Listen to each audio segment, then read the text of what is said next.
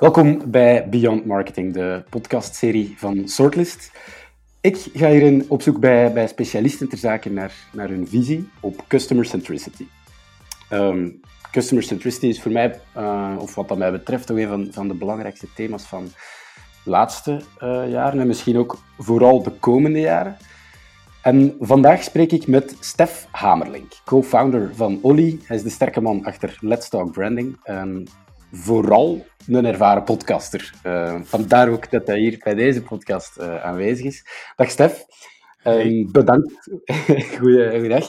Merci om mee te doen aan, aan onze serie. Um, ik heb u heel kort geïntroduceerd. uh, echt, pure dank. Um, je bent met, met heel wat projecten bezig. Ik heb u kort voorgesteld, maar ben ik toevallig niet vergeten of iets dat je zelf zou kunnen ik heb nog een podcast. Uh, uh, opgemerkt, opgemerkt podcast, uh, die loopt ook nog. Dus inderdaad een vervet podcaster geworden. maar voor de rest inderdaad, Olly, Let's Talk Branding. Dat zijn de belangrijkste verhalen waar ik mee bezighoud van dag tot dag. En dan inderdaad, die, die opgemerkte is erbij gekomen een aantal maanden geleden. Ja, dat is de, de Vlaamse vertakking, of hoe moet ik het zien, van Let's ja. Talk Branding? Wel, wel ja, het is, het is uh, opmerkelijk nieuws uit uh, branding en marketing. Het was een beetje... Um, ik, uh, samen met Thomas Bittebier van Base, um, hadden het gevoel dat er heel weinig zo echt een, een leuke nieuwsshow was, terwijl er wel heel veel gebeurt in de branding- en marketingwereld. En voilà, mm -hmm. zo, zo was opgemerkt geboren. Ja, ja, alright. Weet je, wat mij het meest, meest aanspreekt eigenlijk in, in het hele uh, Let's Talk Branding verhaal, of, of opgemerkt, is enerzijds gaat het over, over het vakmanschap, branding, maar anderzijds mhm. is het ook een beetje meta, waarin dat je branding of, of het woord zelf in vraag stelt van wat verstaan mensen hier nu onder? En ik vind dat een heel toffe manier om daar, daar naartoe te kijken, want dat is iets dat constant in evolutie is. Nee? Mhm. Absoluut, ja. En, en ik, ay, dat is ook een beetje mijn mantra, uh, solve bigger problems. Ik heb het nog nooit in het Nederland, Nederlands vertaald, dus ik ga het nu ook niet doen. Uh, maar uh, dat is, ik vind het altijd interessant om te kijken van hoe kunnen we dat hier op een andere manier bekijken, hoe kunnen we dat probleem gaan herframen in een ander perspectief. En soms moet je dan even wegstappen van de gankelijke definitie. En, en zeker in de wereld van branding en marketing is er heel veel vage termen die je kan op verschillende manieren interpreteren. En daarom lijkt me dat belangrijk om daar kritisch op te zijn. Ja, dan vind ik het, het mantra, ook al de keuze om het een mantra te noemen, vind ik al goed. let's solve, let's solve bigger problems is wel interessant. Zeker vanuit een expertise bekeken. Uh, yes. Omdat je, je treedt uit je vak. Voilà, En dan moet je als, als strateeg, in mijn geval als merkstrateeg, ook wel kunnen. Je moet de context kunnen begrijpen, de grotere context van business, van marketing, uh, van andere zaken. Anders kun je niet per se een, een, probleem oplossen, want een merk leeft natuurlijk niet in een vacuüm, dat leeft in, uh, in een relatie met al die andere zaken. En daarom is het zo belangrijk, denk ik, dat, dat je durft buiten je vak te kijken. Mm -hmm. Kunnen we dat misschien eens tastbaar maken? Of tastbaar hoe dat het niet moet? Ik denk bijvoorbeeld uh, in de brandingwereld zijn heel veel mensen eigenlijk zo gefocust op branding, bijvoorbeeld op het uh, maken van mooie, coole, hippe huisstijlen, dat ze eigenlijk mm -hmm. soms vergeten dat, dat er ook risico's aan vasthangen. Bijvoorbeeld als een klant naar jou komt en zegt, ja, ik, ik wil branding, en je gaat elke klant gewoon volledig uh, gaan rebranden, omdat jij dat cool vindt, hou je vaak geen rekening met bijvoorbeeld, wat is de perceptie van klanten op dat merk? Hoe herkennen zij dat merk? En vaak mm ontstaat er dan problemen, bijvoorbeeld een drop in sales na een rebrand, omdat eigenlijk de klanten gewoon het merk niet meer herkennen. En dat zijn van die zaken waar dat je eigenlijk moet durven zeggen van oké, misschien is branding niet altijd de oplossing. Misschien moeten we meer marketing gaan doen, of misschien moeten we het product gaan aanpakken, of misschien zit er iets fout in het businessmodel. Natuurlijk, je kunt niet alles weten. Hè. Je, moet, je moet realistisch zijn, je moet ergens in een bepaalde diepte kunnen gaan. En dus ik denk daarom, hè, breedte op de oppervlakte, een brede kennis hebben, dingen kunnen zien. En dan kunnen diep gaan op het moment dat je de juiste diagnose hebt gesteld, lijkt mij heel belangrijk. Ja, dus in plaats van een branding te gaan bekijken als we gaan, we gaan een facelist geven aan, aan wat dat er bestaat, gaat eigenlijk kijken waarom is het nodig. Voilà, ça. Inderdaad, een vraag stellen. En, en soms kan het zijn dat er wel degelijk bijvoorbeeld een update van het merk moet gebeuren, of dat het een beetje ouderwets wordt gezien door, door zelf de klanten. En dan is het uiteraard niet slecht om, om dat te doen. Hè. Er zijn heel veel momenten dat branding wel waardevol is. Maar again, hè, als je een hamer vast hebt, dan is het enige dat je ziet nagels. En dat is zo met social media marketeers, dat is zo met branding mensen, dat, die zien het probleem altijd door hun bril. En ik denk dat is op zich normaal, dat is je vak, maar hè, als je, je kunt alleen maar beter worden voor je klant als je daar kunt buiten stappen soms. Mm -hmm. En soms is het ook niet zo helemaal 100% belangrijk om er, om er mooi en hip uit te zien. Uh... Exact. maar dat is niet populair in, in, in de brandingwereld. Alles moet, alles moet er cutting edge uitzien en hip en getarget naar millennials. Anders je, is het niet interessant. Maar dat is niet waar natuurlijk. Hè. Ja, ja. Ik vind het interessant dat je over, over millennials begint. Uh, ik ga daar subiet op terugkomen, Stef. Dat is um, goed. Don't get uh, me started. alright, alright. Interessant, kijk er naar uit. Uh, waar, dat ik, waar dat ik het zeker wel met, met jou over moet hebben, en je hebt het eigenlijk al een klein beetje um, zelf aangehaald, is, is gaan kijken van wat is de perceptie van de klant op een, op een merk. En wat is de impact van branding of rebranding op die perceptie? Um, zeker omdat we hier in deze podcast uh, toch op zoek gaan naar wat is customer centricity in eerste instantie.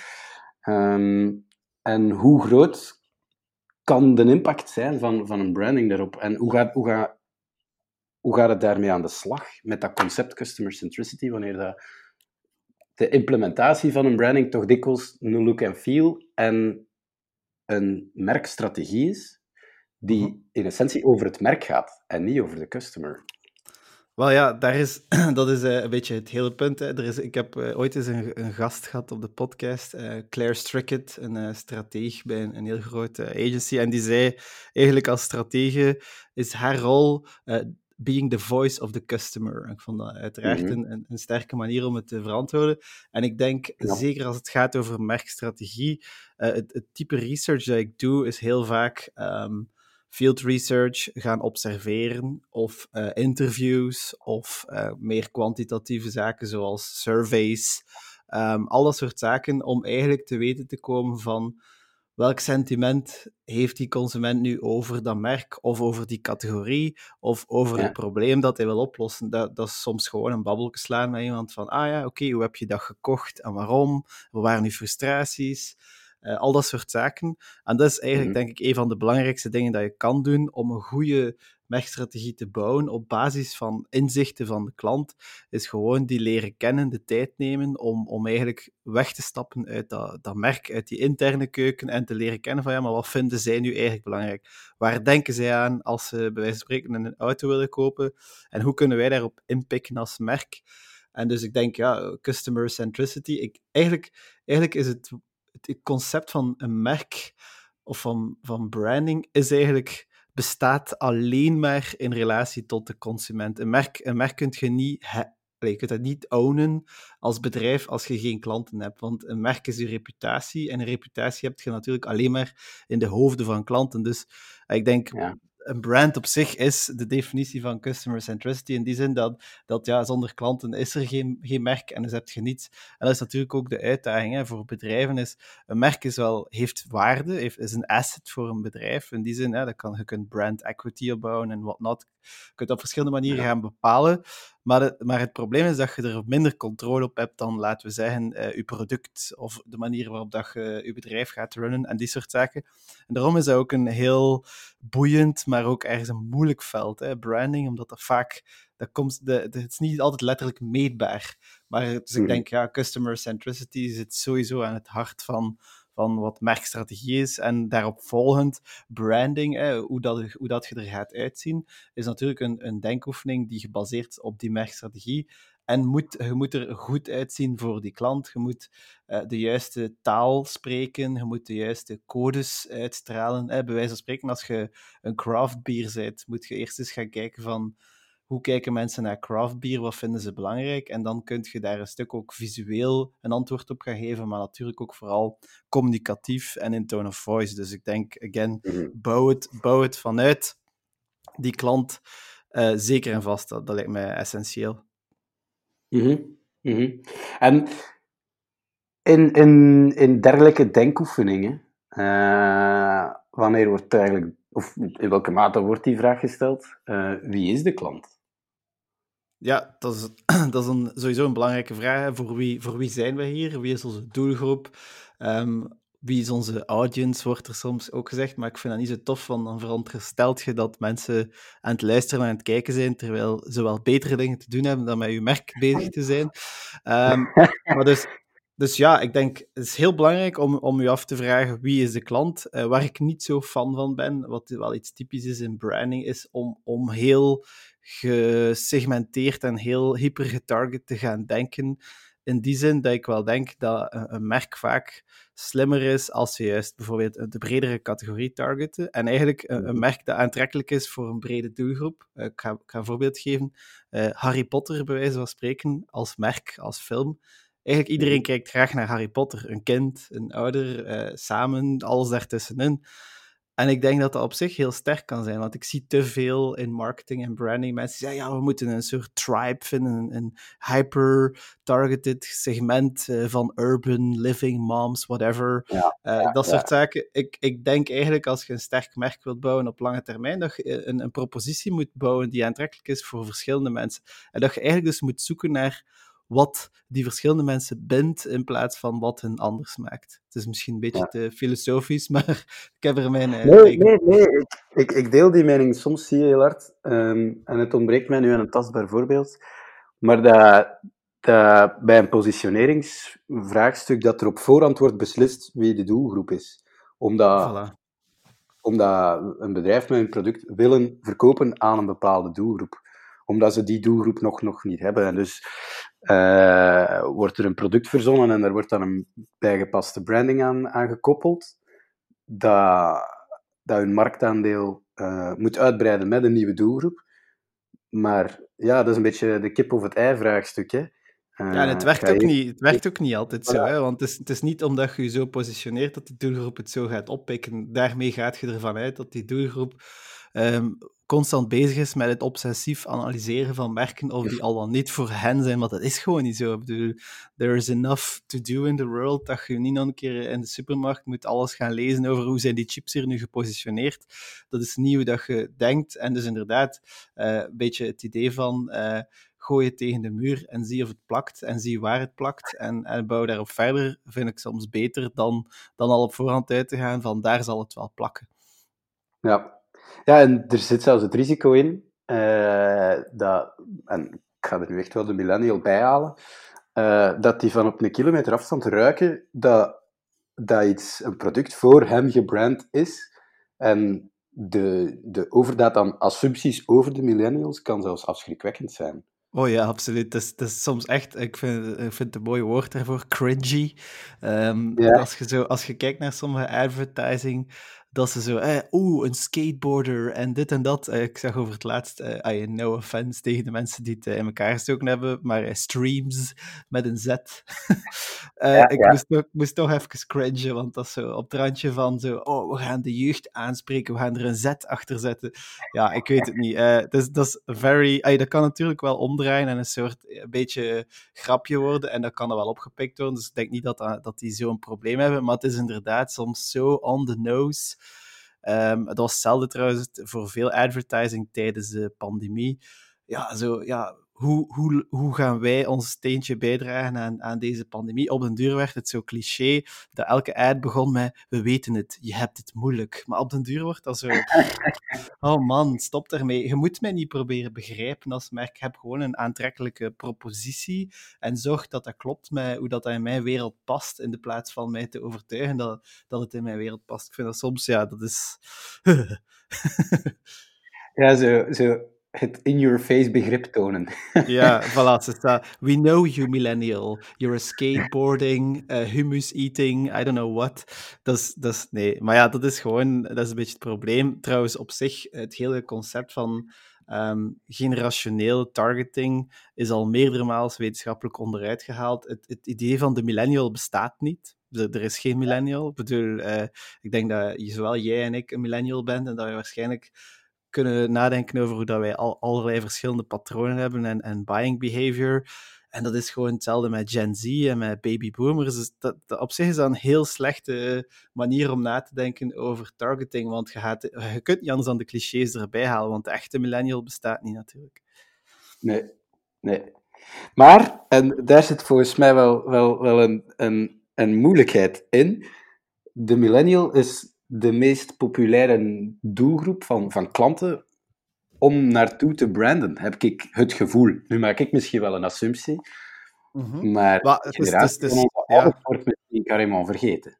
Het is inderdaad, natuurlijk, het is zo, het is heel simpel. Hè? Ik denk dat dat nu de generatie is die, laten we zeggen, uh, werkend is en, en ja, ik kan even geen leeftijd op plakken, maar die, die geld uitgeeft, die werkt.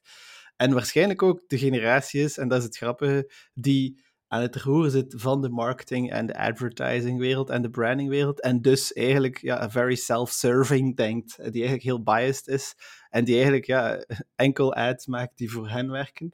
En dan merk ik wel mhm. vaker uh, aan mensen in branding en zo, eigenlijk, ze, ze, ze doen wel alsof dat ze research doen naar bredere doelgroepen, maar eigenlijk is het vooral een, een soort voor ons, door ons verhaal. En ik denk dat daarom heel veel zaken zo millennial uh, getint zijn, omdat het gewoon, ja, het is super biased. Dat is over het algemeen trouwens in branding en marketing. Er is heel weinig ruimte voor diversiteit. En inderdaad, een merk dat zich zou focussen op een oudere doelgroep, dat, dat wordt direct gezien als onaantrekkelijk in onze, in onze wereld. Bijvoorbeeld, ah, ik vind dat heel grappig, hè, maar in Permo, ik had er over het laatst een, een, een reeks tweets over gedaan, omdat eigenlijk, ja, dat is natuurlijk een heel onsexy merk voor veel mensen. Hè. En ook een, zo'n jingleke erbij, tegels, parket, natuursteen, in Permo. Maar eigenlijk zit het allemaal heel goed in elkaar. Als je daarover nadenkt, dat is super goed gedaan, dat is heel duidelijk. Uh, die communicatie komt altijd maar terug op radio. Dus dat, is, dat is eigenlijk qua marketing en branding een heel inspirerend voorbeeld. Maar ja, natuurlijk is het niet zo sexy als Apple, waar alles draait om think different en blablabla. Dus ja, dat is een beetje denk ik een probleem waar dat we altijd kijken naar de shiny toys en dan natuurlijk onze eigen werk voor onze klanten ook in die vorm gaan modelleren. Ja, ik, ik, ik zet de denkoefening verder, of het, het voorbeeld verder. Misschien is Dovi, uh, Donald Muilen, Dovi Keukens, er ook wel een, voorbeeld Absoluut, want we, we, lachen er allemaal mee. Hè. Uh, al 17 jaar bouw ik, maar ondertussen kennen we het allemaal, de merknaam. En de kans is groot, uh, als stel dat je een keuken wilt en, en, je bent het ronddenken, dat Dovi Keukens wel top of mind zit. En los daarvan ga je dan misschien wel eens gaan kijken en misschien valt die ervaring dan toch mee, want die gasten zijn natuurlijk ook niet dom en die hebben eigenlijk ook mooi materiaal en, en frisse manieren om het aan te pakken. Dus dat is een beetje, denk ik, de truc. En dan zitten we allemaal ermee te lachen en denken we allemaal van ja, wij kopen alleen uh, hippe merken, uh, Patagonia en Nike. Maar in de realiteit, als je een keer in je huis zou rondlopen en zien welke saaie merken je allemaal gekocht hebt, die je, op, die je eigenlijk op heel traditionele manier hebben geadvertised, zou je ervan verschieten, denk ik. Maar dat is natuurlijk niet een beeld dat we op onszelf willen plakken als hippe millennial. nee, nee, nee. Oeh. En er zeker niet mee eh, naar, naar buiten komen. Voilà, c'est ça. Ja, ik vind, ik, nee, nog een laatste van die Donald Muilen. Ik vind zijn communicatie recent was, en dat, dat overstijgt, of nou, overstijgen is, is niet juist, maar dat, dat verlaat het de wereld van branding, maar dan gaan we wel bijna naar reclame.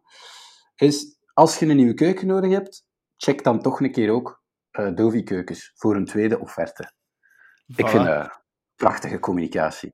Dat is, en, en wat de lol, de lol is daaraan, hè, en, en dat vind ik ook een beetje. Ay, dat is, iedereen zegt je moet gedifferentieerd zijn, je moet een unieke positionering hebben. Maar in de realiteit werkt het zo niet. En, en eigenlijk als je echt customer-centric wilt zijn, dan moet je uitgaan van hoe een consument zich echt gedraagt. En in de realiteit zijn consumenten, zijn, zijn mensen zoals jij en ik, die, die kopen op onregelmatige basis dingen. En die zijn, dat, dat gaat heel veel rond bijvoorbeeld unconscious, onbewust, onderbewustzijn van hoe zijt je beïnvloed in het verleden, Hoe kijk je naar die categorie? En dan moeten we stoppen met zo te denken van als we een unieke positionering hebben of gedifferentieerd zijn, gaan die consumenten naar ons lopen? Nee, je moet de moeite doen om naar hen te gaan en om gewoon met een duidelijke communicatie er te zijn in de plaats van te zeggen, ja, kom naar ons, want wij zijn uniek. Dat is eigenlijk roughly gezegd nogal bullshit. En ik vind merken zoals Dovi Keukens, die zijn er inderdaad gewoon, die, die herkennen daar ook van. Kijk, we weten dat je naar verschillende gaat gaan. Kom een keer langs bij ons. Punt. Heel simpel, heel duidelijk. En als je dat dan met voldoende, uh, laten we zeggen, reclame en, en een luidspreker eronder zet, dan kan dat gewoon sterk zijn. Hè? Ja, ja, die duidelijkheid die compleet ontbreekt dan bij een merk als Streams, die enkel een Z op het einde van hun. uh, het, is, dat is de omgekeerde van duidelijkheid dan. ja, wel, het, is wel, het, is, het is natuurlijk één ding wat er wel in is, en dat is, dat is dan gewoon puur zo in het idee van uh, distinctiveness, noem ze dat dan met een mooi woord, is die zet, gaat, dat gaat sowieso wel, daar gaat over gepraat worden, en misschien dat al lange termijn wel zo'n ding gaat zijn dat ze kunnen ownen. Uh, de, ja. de, de tagline is de streamingdienst van ons, zet, dat, dat vind ik op zich wel een grappig, een grappig trucje. En ik denk wel dat ze, dat ze ermee gaan kunnen bouwen. Maar in het begin had ik ook wel iets van, wat is dat voor iets? Maar ja, het, is, het, is, het kan, het, wie weet zitten we binnen vijf jaar te zeggen hoe geniaal dat was. Dus we weten het nooit natuurlijk. ja. Ja, dan, dan gaan ze toch nog moeten opboksen tegen, tegen Netflix en zo. Ja, ja, absoluut. Ik denk op vlak van uh, puur als het, als het meer gaat over hoe dat businessmodel in elkaar zit en, en of het wel voldoende uh, disruptief is, dat weet ik niet. Maar natuurlijk, dat is op zich een beetje het verhaal van, van uh, Tesla en, en vele disruptors in de wereld. Is, ze komen af met een compleet nieuwe propositie, maar uiteindelijk zie je dan wel dat, dat de grote merken of de andere merken op de kar springen en stilletjes aan toch ook de grote massa beginnen te bereiken. Want vaak zijn het wel die early adapters die springen op zo echt disruptieve merken. Maar mhm. misschien dat de gemiddelde Vlaming wel het meer ziet zitten om met streams te werken dan, dan met, met Netflix. En again, eh, customer centricity. Wij als marketeers, als mensen in, in de industrie, zijn eigenlijk wij zijn uiteraard altijd bezig met de nieuwste stuff. Wij zijn bezig met Disney Plus en Netflix en whatnot. Maar dat wil niet zeggen dat de, mhm. de massa daarop zit. En, en dat is ook grappig, want ik hoor veel mensen zeggen: ja, ik snap niet hoe dat een merk zoals Dovi Keukens kan werken. Of, of Imperm, dat is lelijk, dat is saai, dat is niet hip. Maar dat is het probleem. Net. De reden waarom dat je dat niet snapt, is omdat je te veel in een bubbel zit. En dat je er soms een keer moet uitstappen. En dat je moet zien dat een, een Brantano, ah ja, die zijn nu wel failliet, maar bij wijze van spreken, dat zo'n dingen kunnen werken voor massa. En dat is iets anders dan, dan niche brands en hippe brands voor hippe mensen. Dreft. Dreft, Dreft voilà. een heel, heel, sterk merk. Een ongelooflijk sterk merk. Ook al hebben die de meest maar ik vind het bijna absurd als je kijkt naar hoe hun reclames dan uitgewerkt worden. Die, die, ja, dat is wel door kwalitatieve agencies gedaan. Heel mhm. kwalitatieve agencies.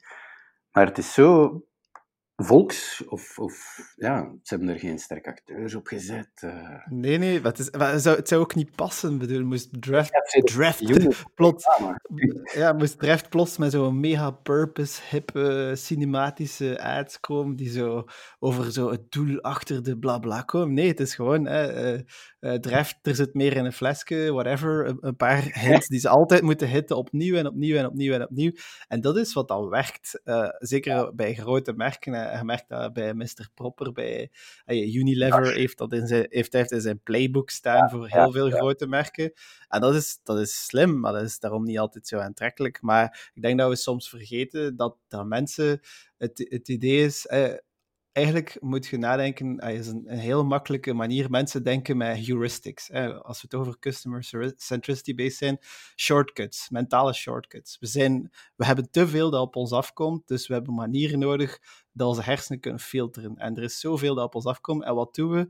We gebruiken daarvoor heuristics. Dat zijn eigenlijk patronen die onze hersenen gebruiken. En een van de belangrijkste heuristics die we hebben in onze hersenen is eigenlijk dat noemt de mere exposure effect. Eigenlijk wat dat wil zeggen, het, uh, het blootstellingseffect. Hoe meer dat je blootgesteld wordt aan iets, hoe meer dat de kans is dat je dat graag gaat hebben, dat je daar een preference voor gaat creëren. En dus eigenlijk gewoon het, het droge feit dat als je iets 10, 20 keer gezien hebt of 100 keer gezien hebt, gehoord hebt, gaat je dat uh, gaat, dan gaat dat familiar zijn voor u en gaat je dat, is de kans groter dat je dat koopt. Dat is een heel belangrijke bias die vaak genegeerd wordt. Hè. We denken allemaal, ja, we moeten uniek zijn en speciaal zijn en beter zijn. Nee, je moet er gewoon zijn.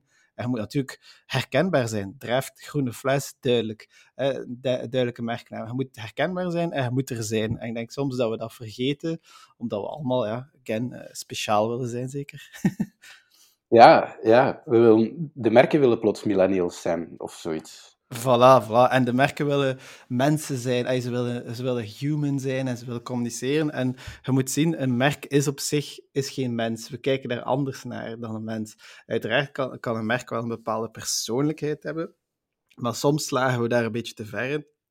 En dan creëert je bijna clichés van merken die ook maar werken voor een beperkte doelgroep. Die bijvoorbeeld signaleren aan andere mensen van kijk, ik ben niet voor u, want ik ben te hip. En ja, dat is, dat is ook uit een bepaald risico. Hè? Als je wilt groeien, dus altijd, ja, again, ik denk altijd van, ik zie graag een merk bijna als een soort toeristische trekpleister. Van, ja, een, een, een toeristische plaats iedereen moet daar naartoe willen gaan en je moet dat aantrekkelijk maken, maar het is niet dat, dat een, een, een, eiland gaat zeggen van we gaan een manier vinden om enkel die generatie naar hier te trekken. Allee, misschien zijn er wel zo eilanden, maar again, ik denk, als je kunt nadenken van hoe kan opa en oma naar hier komen met zijn kinderen en zijn kleinkinderen en ze kunnen hier allemaal een good time hebben, wel, als je dat als merk kunt zijn, dat eiland, wel proficiat, dan denk ik dat je meer schaalbaarheid en toekomst hebt dan een eiland dat enkel met millennials wil zitten high-fiven op elkaar.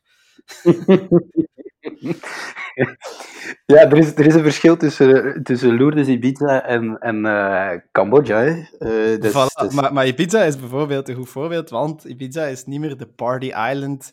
Ze hebben eigenlijk heel hard hun best gedaan door marketing, door uh, al dat soort zaken door branding, om eigenlijk te zorgen dat Ibiza wel een eiland is voor gezinnen, voor party people, voor oudere mensen, voor cultuurzoekers, voor rustzoekers. En dat is echt een, uh, is een slimme move geweest, want vroeger had Ibiza een slechte naam. Als, je, als ik, toen ik 16 was, tegen mijn ma zei, ik ga naar Ibiza, die had zoiets van, jongen, hey, ga de bollen gaan pakken, sorry voor mijn taal.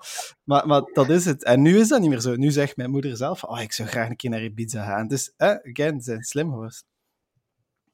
Ja, ja. Ik vind, het, uh, ik vind het, dat, dat ons gesprek een heel toffe evolutie heeft genomen met, met uh, even toch de merken Dreft en andere op een piedestal te zetten. Uh, en en voilà. Dovi Keuken. Dat, dat gebeurt te weinig, in voilà. mijn ogen. Een ode, een ode aan de saaie merken. ja, ja ik, vind dat, ik vind dat meer dan terecht. Omdat, wat blijkt nu, die misschien zelfs meer customer-centric zijn dan dan de merken die enkel en alleen op millennials willen focussen. Voilà, ze zijn tenminste realistisch over, over hoe mensen zijn en ze weten van, kijk, dit is een low-involvement keuze van een klant die niet per se, die wil daar geen uren over nadenken. En we moeten ook niet lastigvallen met boodschappen over hoe dat wij de maatschappij gaan verbeteren of wat not. Als iemand een keuken nodig heeft, kijk, we zijn er voor u, we zijn Dovi Keukens en we hebben misschien één of twee punten dat we willen vertellen. En de rest zie je dan wel als je tot bij ons komt. En ik denk dat dat inderdaad een, een eerlijke manier is van denken. Uh, in de plaats van uh, join our brand tribe and become a loyal. En, en, Het is allemaal heel veel verwachten van mensen. Als elk merk dat zou moeten doen, amai, ik zou niet veel anders meer te doen hebben in mijn leven dan met merken bezig zijn. Ja, Gelukkig is ja. mijn job. Inderdaad. Uh, misschien daar, daar, daar nog uit concluderen. Uh, best practices. Uh, van, van, ik ga gewoon de case Dovi nemen. Uh, die, die begrijpen heel goed hun doelgroep. Wilde vergelijken, dan mogen bij ons langskomen. Punt. Ja, en voilà. heel, heel dat verhaal is daar een beetje rond gebouwd. Um, en bon, ze, ze staan ook wel voor kwaliteit. En de mere exposure effect, waar dat je wel sprak, is, mm -hmm. is 100% aanwezig bij Dovi, zowel op radio als op tv. Ik weet nu niet of, dat ze, of, of dat ze veel print doen. Uh, ik weet niet of jij dat weet. Dat weet ik niet zo goed, maar ik veronderstel dat ze... Dat is een beetje de playbook van uh, Byron Sharp. How Brands Grow noemt dat boek. Iets dat bij heel veel marketeers wel is ingeslaan, ook bij heel veel niet. Maar dat is een beetje het idee van proberen alle kopers in de categorie te bereiken. En daar heb je natuurlijk radio, televisie, out of home voor nodig. Soms ook uh, online advertising. Ik weet het niet zo goed bij Dovi Keukens, maar ik veronderstel dat ze wel slim genoeg zijn om op bepaalde plaatsen uh, aanwezig te zijn. En ze hebben natuurlijk gewoon een fysieke beschikbaarheid door toonzalen, wat eigenlijk ook een, een heel goede manier is om, om voor mensen, again, uh, het, het, het, in een kern, ik wil er niet te lang over uitbreiden, maar moet je mentaal beschikbaar zijn door uh, reclame, door PR, door whatever, door branding. En moet je fysiek beschikbaar zijn. Fysiek beschikbaar zijn wil niet zeggen dat dat offline is. Dat wil gewoon zeggen dat je snel moet beschikbaar zijn als iemand wil kopen. Als iemand dan toch naar die keuze overgaat. Als je die twee dingen kunt doen, dan zijn je customer-centric in de plaats van al de rest. en dat, dat, dat, vind ik, dat vind ik misschien nog een mooie afsluiter. Uh, want in mijn ogen is customer centricity heeft, heeft een beetje dezelfde handicap als, als branding. Um, en dat is de, het grote semantics uh, aspect dat daaraan vasthangt. Dat is voor iedereen iets anders. Um, vandaar ook dat ik er verschillende mensen over wil hebben.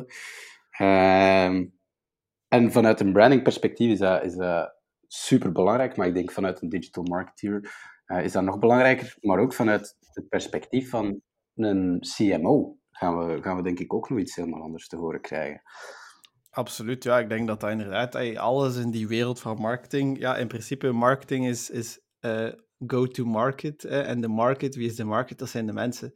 Dus als je, als je niet nadenkt over customer centricity of hoe dat je dat dan ook inderdaad wilt gaan noemen, dan heb je een kans dat je, ja, dat je gewoon iets hebt, een, een product hebt of een boodschap hebt die, die helemaal niet belangrijk is. Hè. Dus ja, ik denk dat, je daar, dat dat een interessante reis zal zijn voor u om te exploreren. En ik luister met plezier mee. alright, alright. Volgende keer ga ik het hebben met... Uh, ga, ik, ga ik het met iemand van Bpost hebben over uh, customer centricity. Uh, head of innovation daar. Ik uh, vermoed dat we daar interessante inzichten gaan uithalen. Het zal wel en zijn. Ga... Bpost, nog zo'n saai merk. ja, voilà. En iedereen, iedereen werkt met Bpost. We zijn allemaal klant. Voilà. Dus dat vind ik wel interessant. Ik ga misschien nog eens op zoek gaan naar een viertal millennials om er een, uh, om er een roundtable podcast van te maken in een volgende sessie. De max, de max. Va. Uh, Stef, uh, hartelijk bedankt voor, voor uw inzichten. Ik, ik vond het alleszins verrijkend. Ja, het was, een, het was een heel tof gesprek. Ik heb er zelf ook weer een, een beetje voer voor content uitgekregen. Eigenlijk. Dus nee, het was tof. Ja, super. super. Dus volledig wederzijds. Uh, wij zullen naar elkaar blijven luisteren. Hè. Ik zorg dat uh, de nodige informatie over jouw podcast ook bij die van ons beschikbaar is. En uh, tot binnenkort, zal ik zeggen. De Max. Luik. Salut, man. Dag. Ciao. Yo.